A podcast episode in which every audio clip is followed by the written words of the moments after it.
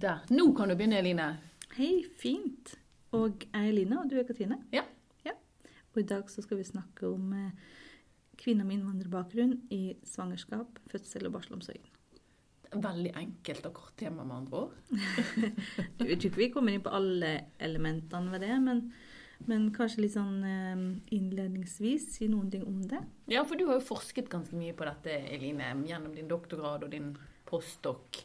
Ja. Og jeg tenkte jo at Har du gjort deg opp noen refleksjoner som er nødvendig for oss jordmødre? Eh, at vi må på en måte Hvorfor er dette en gruppe kvinner det er viktig at vi jordmødre har kanskje særskilt kompetanse og kunnskap om? Jeg tenker eh, Først og fremst fordi at de er en veldig blandet gruppe.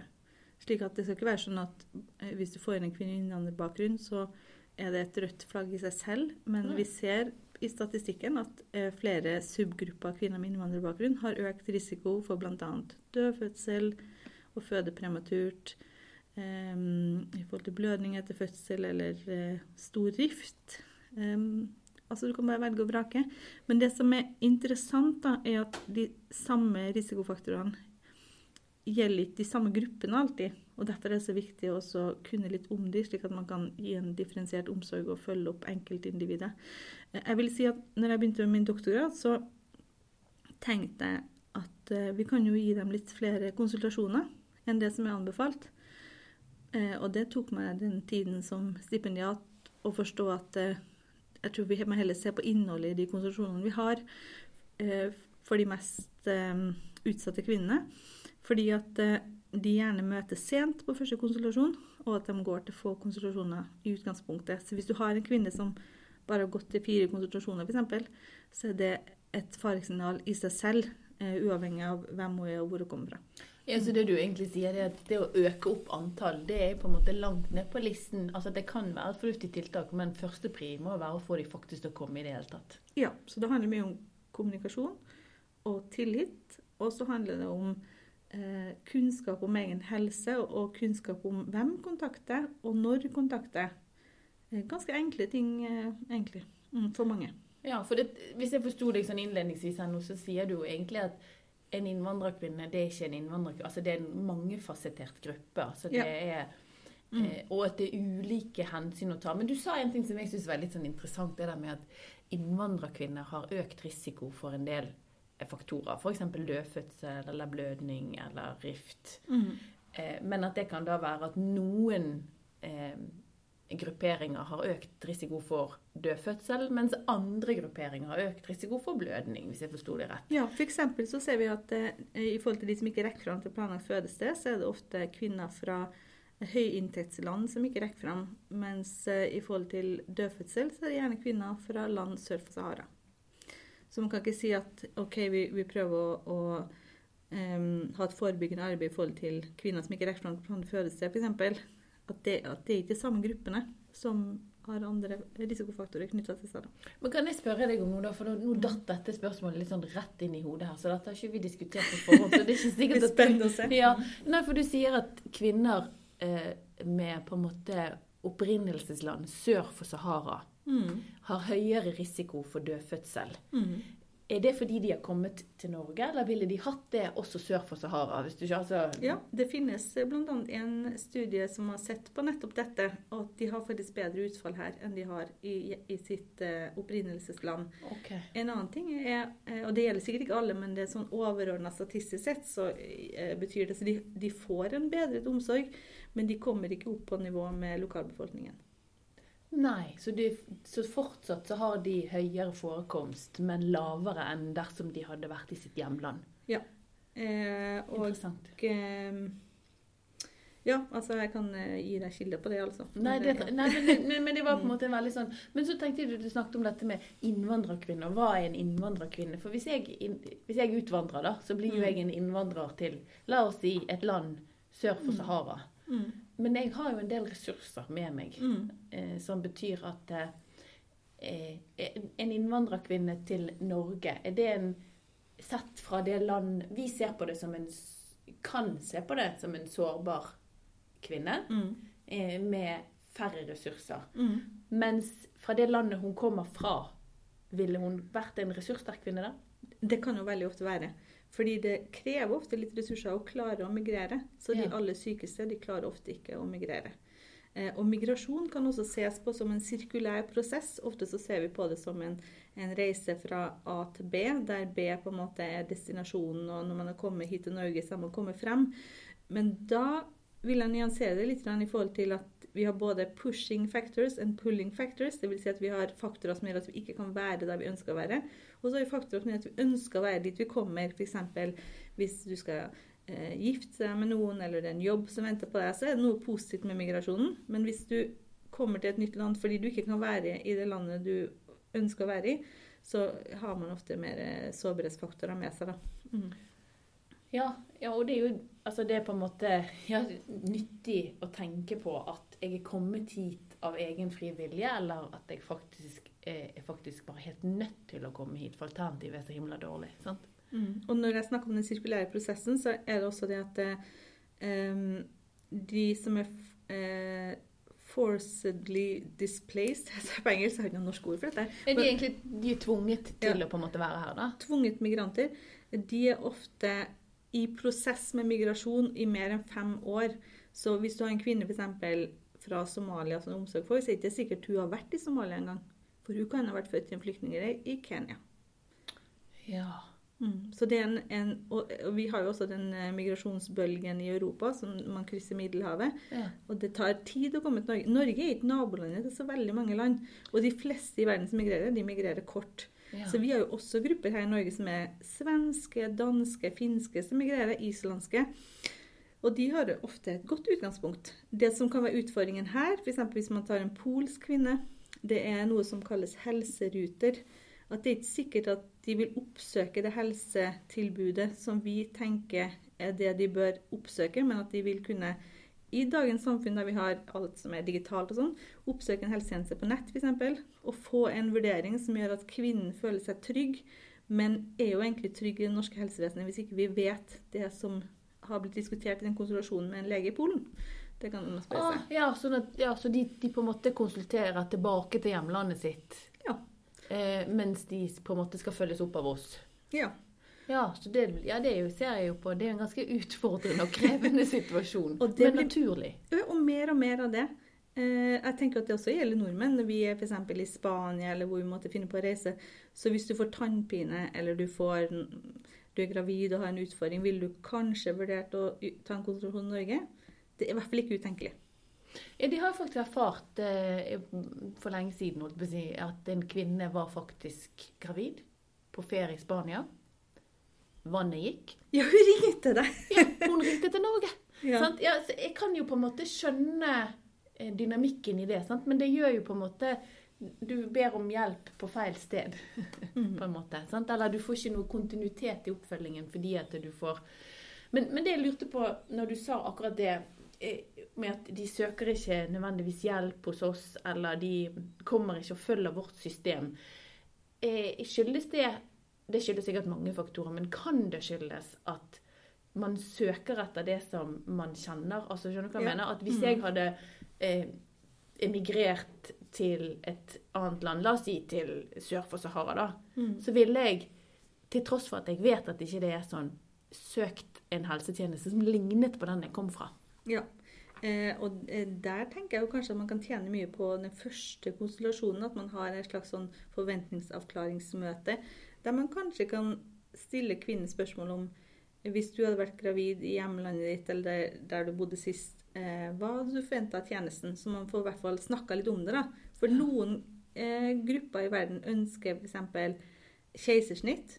Eh, mens andre grupper ønsker eh, hjemmefødsel. Skjønner du hva jeg mener? Ja, Altså de fra sør eh, i det amerikanske kontinentet, der er det veldig høy andel med keisersnitt. Og det er litt sånn, kanskje litt satt på spissen, da, men hvis du har midler til det og mulighet til det, så vil du kunne velge keisersnitt. Mens når du kommer hit, så tenker du kanskje hva er det de holder på med i Norge?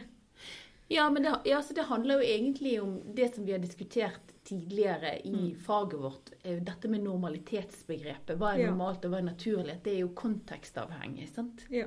Og det betyr jo at vi eh, i veldig stor grad må tone oss mye bedre inn på eh, den kvinnen du har foran deg eh, i forhold til, som du sier, hva er normalt Mm. i hennes hjemland. Ja, Sant? ikke sant? Vi ser jo det hvis vi skal ta polske kvinner, eller kvinner fra kanskje de tidligere øst, altså Baltikum og Polen. da. Mm. Vi har jo sett at de har en høyere grad av eh, epidural, f.eks. Sant? Ja, eh, og de har en lavere grad, ofte da, eh, av røyk og alkohol, og at de er sjeldnere overvektige. Så de har utrolig mange positive faktorer med seg, mens de har eh, andre faktorer, som f.eks. epiduralbruk, veldig ulikt i verden. Ja. Du, eh, vi har gjort en studie som er publisert eh, der vi så på bruk av epidural blant migrantkvinner i, i, medisinsk fødselsregister. Og da Mm. så vi at kvinner fra, som kommer med flyktningbakgrunn, bl.a. bruker lite epidural, mens eh, kvinner fra Iran og Irak tror jeg også bruker mye epidural. Så Ja. det var store forskjeller. Og det er nok ikke en utfordring at det er forskjeller. Det som er utfordringen er Hvorfor er det forskjeller? Kanskje må man noen gang snakke med kvinnene om hva, hva, hvilke tilbud vi har. da. Blant annet så var jeg borte en gang eh, en kvinne fra et land sør for Sahara som var veldig skuffa etter fødselen fordi eh, hun hadde fått epidural, og hun ønska ikke epidural, for hun var redd for at hvis hun får epidural, så kan man bli lam. Eller Ja. bli, sånn ha store konsekvenser. Eh, men hun hadde ikke fått epidural. Det er det som er interessant. For hun hadde fått en akupunkturnål i tåa i forbindelse med at morkaka skulle løsne. Og så kan vi fnise litt av det, men det hun var redd for, var den nåla. Fordi at jeg Ja. kan bli syk av den nåla. Så det som, at det er forskjell i bruk av epidural, det er nok naturlig å ha mange ulike årsaker. Men vi bør tenke på det spesielt hvis det egentlig står på informasjonsbehovet. da. Og det slår meg jo at vi har på en måte veldig ulik både kunnskap og informasjonsbehov. Og så tenker vi ofte at de kvinnene som kommer oss, til oss, de har alle sammen den samme informasjonsbakgrunnen, eller Mm. er mengden, da. Og så går vi på en smell fordi at eh, de har helt feil oppfatning av systemet, eller de sammenligner systemet med det systemet de kommer fra, da. Eller at de har hørt ting om helsevesenet som de jeg tenker at man assosierer noe negativt med helsevesenet sånn Mm. fra sitt eget hjemland. Eh, Da er det lik her også. Ja, Det er en av de faktorene som kan forklare forskjeller i utfall blant kvinner med og uten innvandrerbakgrunn, og ulike gruppene innenfor det. da. Det kan være nettopp det du sier, at hvis du kommer fra en setting der man med veldig god grunn ikke har tillit til helsevesenet, så syns jeg kanskje at det er litt mye å forlange at de skal ha god tillit til oss med en gang. Vi må kanskje jobbe for den tilliten, har jeg tenkt. Og da tenker jeg at, at vi må være det som heter kultursensitive. Mm. Sant? At vi må ha anerkjennelse for at de er skeptiske. For jeg kan jo kanskje kjenne meg litt igjen i at noen ganger så blir vi litt sånn Men i alle dager, da. Altså at vi blir Ja. litt sånn Mm. ovenfra og ned og kanskje litt fornærmet og indignert på våre egne vegne, men uten at vi egentlig tar oss tid til å sette oss inn i hvorfor er denne kvinnen skeptisk. Nett, for vi har et veldig godt system, tenker vi. Ja, Og da vil vi gjerne speiles på det, vil jeg tro, da. Ja. Og det samme gjelder jo også kanskje dette med å, at enkelte grupperinger syns det er vanskelig å eh, gå til svangerskapskontroll hos oss fordi vi har ikke nødvendigvis et dårlig tilbud i oppfølging av kvinnene, men de er redde fordi de, vi har et annet syn på f.eks. oppdragelse, Mm. og at de har noen på en måte mm, jeg kan si, oppfatninger om at hvis vi eh, Alle de spørsmålene vi stiller eh, for å på en måte avdekke om, om vi kan på en måte ta fra de barna. Ja, det har vi jeg jo erfart. tror mange kvinner med innvandrerbakgrunn også vil kunne kjenne seg igjen i at det er mye snakk om det norske barnevernet. Mange er redd for det norske barnevernet. Mm. Eh, så det er jo godt forståelig. Eh, En ting som jeg tenkte på, Katrine, som jeg tror du vil kjenne deg veldig godt igjen i, det er dette med å Det som kan være utfordrende som jordmor, eller jordmorkjent, er å vurdere hvor godt norsk er godt nok. Å, herlig land! Mm. Det kan jeg bare si deg at det har jeg gått på eh, jeg, kan, jeg kan ta et eksempel her forleden dag, faktisk. Jeg Ja. var i praksis eh, og jobbet, og denne kvinnen snakket ikke norsk. Og hun snakket ikke engelsk. Mm. Men hennes mann snakket norsk. Eh, eller tilsynelatende så snakket han norsk. Og eh, vi kommuniserte innenfor den lille rammen vi kunne. Og så Denne kvinnen skulle bli indusert. Mm. Jeg tok fram tavle, tegnet. Eh, mannen var klar på at han forsto. Han oversatte. Alle var enige om at vi hadde forstått. Jeg ga, ga rapport. Damen fikk en cytotek, og jeg hadde forklart at hun skulle ligge en time. Mm. Og jeg satt faktisk og ga rapport om at knekt koden, de forstår. Ja.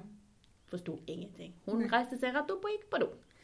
Hvilket hun ikke skulle gjøre. Og det hadde vi Det hadde jeg repetert og sagt, og hun Mm. hadde gitt uttrykk for at hun forsto. Jeg var så overbevist.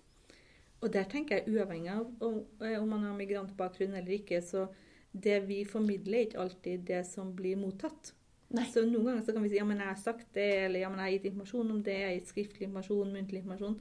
Men eh, det er ikke alltid at det er det som er det mottakeren, har, mottakeren tar med seg når mottakeren går videre. Og det tenker jeg er veldig viktig at vi reflekterer rundt. For vi kan bli Åh, men dette har jeg jo sagt så mange ganger. Mm. Og så glemmer vi Jeg tror jeg tror i hvert fall Eline, at hvis jeg hadde vært gravid Mm. og blitt innlagt la oss si, på et sykehus enten i bare Ungarn eller Polen eller for så vidt også Kina, men i hvert fall sør for Sahara Mm. Jeg tror jeg hadde hatt så Jeg tror jeg har vært så redd Mm. at selv om jeg hadde forstått deler, så er det ikke sikkert at Vi ser jo det bare på våre på en måte, på barselkvinnene som er etnisk norske. At jeg tenker Men i alle dager Altså, du er litt i krise. Sånn at Mm. Altså, vi må erkjenne at det er ikke bare bare å ta imot informasjon i en eh, kontekst der språk er en så stor barriere. Mm. Så språk og kommunikasjon er nøkkelfaktorer. Andre nøkkelfaktorer kan være at det er sosioøkonomiske forskjeller. At man har ulik grad av utdanning. Hvis man kommer hit som flyktning f.eks. Det er ikke sikkert man har formell utdanning. Det kan også være kvinner som er analfabet. Eh, Og det er ikke sikkert du har lyst til å vise deg at du er analfabet i første runde. Og det kan være at man har en begrensa forståelse av egen helse. Eh, Det som vi allerede har snakka litt om, dette med tillit til helsevesenet, kan være en, en utfordring. Og der tenker jeg jo at gravide kvinner i Norge de kan gå både til jordmor, de kan gå til lege, de kan gå til en kombinasjon. Men du kan også falle mellom to stoler. Hvis du først går til en jordmor, ikke finner tillit, så går til en lege, og så tror legen at du går til jordmor, jordmor tror du går til legen, og så kan det ta litt tid før man fanger det opp. Ja. Det har jeg opplevd i, i klinikken selv, at en kvinne har kommet inn med en konsultasjon hos jordmor, en konsultasjon hos lege, så en konsultasjon hos en lege i privat sektor, og så ingen flere konsultasjoner. Så har det gått mange uker før hun kommer inn til oss. Og da er det eh, et rødt flagg i seg selv. Så når man ikke vet, så er man ikke en eh, hva kaller man lavrisiko grønn kvinne lenger. Nei, for det var det jeg satt og tenkte på. At, at det er jo veldig viktig da i dette seleksjonspuslespillet vårt. Sant? Mm. Og på en måte se at ok, denne kvinnen har tre, kanskje fire eh, konsultasjoner i svangerskapet. Langt under anbefaling. Ja, hun skal kanskje ikke Det kan godt hende at alt er normalt, men hun skal kanskje ikke føde på en normalenhet. For her er det så mange brikker som mangler i puslespillet. Ja, når du mangler prikker i puslespillet, da skal det være et, et rødt flagg, tenker jeg. Ja, sånn at, sånn at eh, eh, Som vi har diskutert før i, innenfor svangerskapsomsorgen og dette med helsekortet, at, at vi skal også lete etter hva er det som ikke står der. Ja, hva er det som ikke står der? Veldig klokt. Mm. Det snakker vi ofte om i den prenatalmedisinske komiteen sine møter også. eh, Der vi ser på helsekort der det har vært et uheldig utfall, så kan man se ja, men se her, ingen SF-mål f.eks., eller her har ikke kvinnen hatt med urinprøve. Det du ikke vet, det får stå som en liten sånn rødt flagg eh, X-faktor. Mm. Ja, du, du må få ta det med inn i Mm. totalvurderingen av, eh, av grupperingen. Ja, spennende. En annen ting som kan være vanskelig med kvinner med innvandrerbakgrunn, er hvis du kommer til Norge som gravid, eller du har hatt svangerskapsomsorg i, i et annet land, eller at du har født barn i et annet land tidligere, og så nå kommer og er gravid eh, i et senere svangerskap i Norge. Det som kan være utfordrende, er å ta opp en god obstetrisk anamnese. Fordi det som er viktig for deg som helsepersonell, er ikke sikkert det er det som kvinnen formidler. For eksempel så var jeg borti en gang en kvinne som eh, hadde veldig begrensa norsk og engelsk, men jeg følte at vi kommuniserte ganske greit fordi vi hadde så god kjemi. Det holder ikke med god kjemi, fant jeg ut av. Men jeg spurte jo om det var, om det var noen komplikasjoner sist, om det var normalt, og hun bare 'normal, normal'. Og så blødde hun to liter, og så sa hun etterpå 'samme, samme'. Så tenkte jeg at det hadde vært grådig greit om jeg hadde visst det. Samme, samme. Ja, for det var normalt for henne. Ja, det var normalt for henne. Fordi hun hadde overlevd. Ja. Det gikk fint. Hun overlevde denne gangen også, det vil jeg jo legge til. da. Men eh, jeg skulle gjerne lagt den der ekstra venflonen, og kanskje ikke hatt opp den avdelingen jeg var på på det tidspunktet. Mm. Ja, veldig, veldig.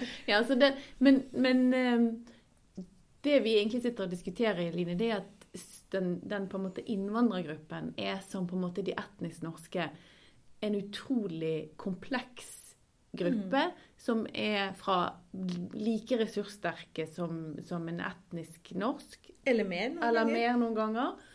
og kan være ekstremt ressurssvak og sårbar. Men at det er vår plikt da å undersøke og kartlegge og finne ut av hvilke ressurser og hvilke risikofaktorer. Og så må vi på en måte erkjenne at kommunikasjon er vanskelig. Mm. Og vi må være tolerante, tenker jeg, og ikke bli frustrert og irritert. For dette har jeg allerede sagt. Det er sant. Og så er det også sånn med disse eh, faktorene som styrker oss som mennesker.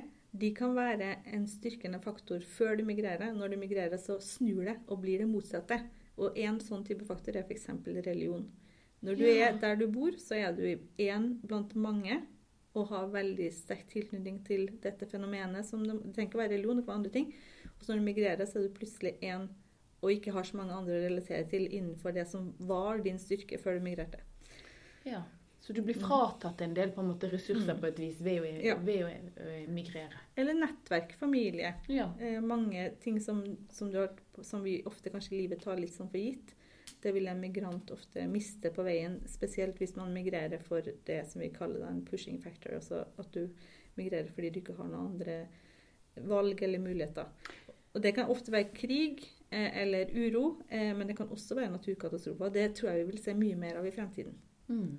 Men hvis vi skal oppsummere, Line, eh, Mm. kanskje, kanskje du bare summerer opp de faktorene som kan forklare hvorfor det er en økt risiko for det som du sa innledningsvis, nemlig dødfødsler, blødning, større rifter.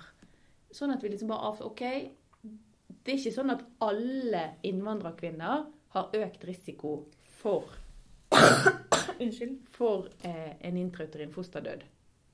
Riktig. Mm. Men, men samlet sett da, så er det mange faktorer som påvirker de ulike på en måte risikoutfallet. da. Det er ikke sikkert jeg har vært innom alle så langt, men Nei. hvis jeg kan ramse opp noen, da, så er det hvor lenge har du vært i Norge? Det er viktig. Eh, bruker du helseruter, altså dette med å oppsøke helsetjenester i andre land? Eh, papirløse er veldig sårbare. Ja. Har du med deg sykdom eller tilstander som er uvanlige hos oss, men vanlige der du kommer fra? Tenker du eksempel, tenker du spesielt på noe, da? F.eks. siktcelleanemi eller noe sånt? Unnskyld. Det kan være tuberkulose, f.eks. Ja. Altså, vi tenker ikke være veldig vanlig i hjemlandet ditt heller, men en som er veldig uvanlig i norsk setting. Mm. Det kan være siktcelleanemi, eller det kan være forskjellig. Det kan være genetiske faktorer. Blant annet så er det noen grupper der det er vanligere med slektskap mellom de som får barn. Og utfordringen er ikke nødvendigvis bare akkurat det at det er slektskap mellom foreldrene, men at det har vært det over generasjoner Ja. som gjør det at det er en litt sånn sårbarhetsfaktor. -hmm. um, det kan jo være at ikke vi er gode nok. At vi ikke gir den omsorgen eh, som alle trenger, eh, og at vi også kan diskriminere. Det må i hvert fall våge å, å spørre oss selv, da. ja. Om det er bevisst eller ubevisst. Jeg tror ikke at noen driver med det, men, men vi må i hvert fall våge å snakke om det. Og dette med at det kan være vanskelig å ta opp en god anamnese. Em, og mangel på tillit og språk. Jeg tror vi må avrunde nå, jeg, Katrine.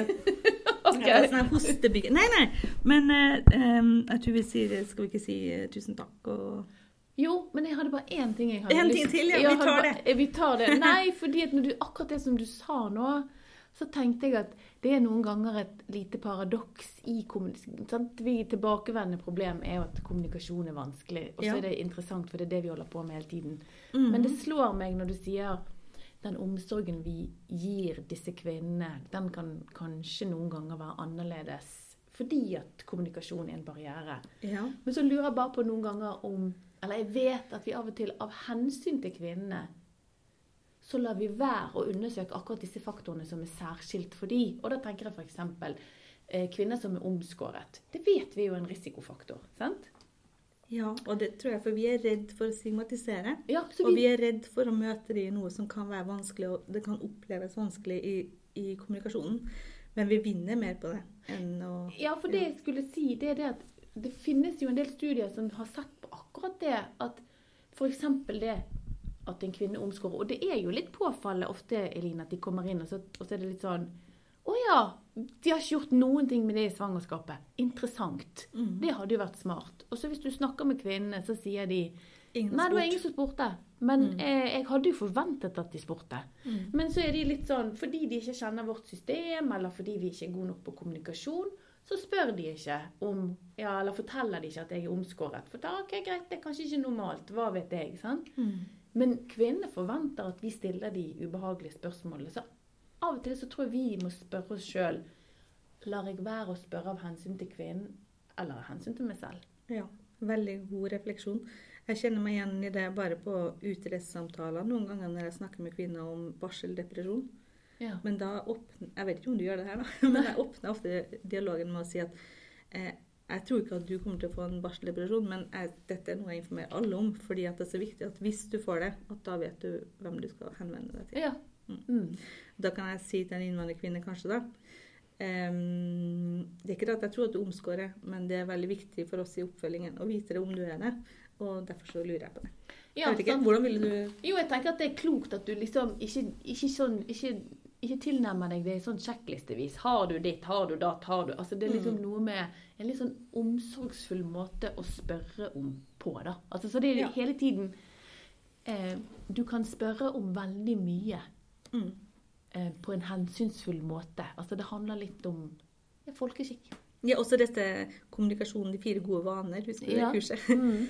Der snakker vi om at det kanskje ikke er det første du spør om. Nei! Du trenger å på en måte Alle må få sette seg ned i rommet og, og snakke litt om været først. Og, eh, og litt om hva hva er viktig for deg i dag. Så Ja. ta bort noen av de fjellene som er mellom eh, den som jobber i helsevesenet og eh, kvinnen. Ja, og Før man går inn på de vanskelige tingene. Mm. Spennende, Line. Det tror vi, nå tror jeg vi avrunder. Skal vi si det Nå sånn? er jo hostekulen over, så det går veldig bra. Skal vi ta en halvtime til? Takk for oss! Takk for oss.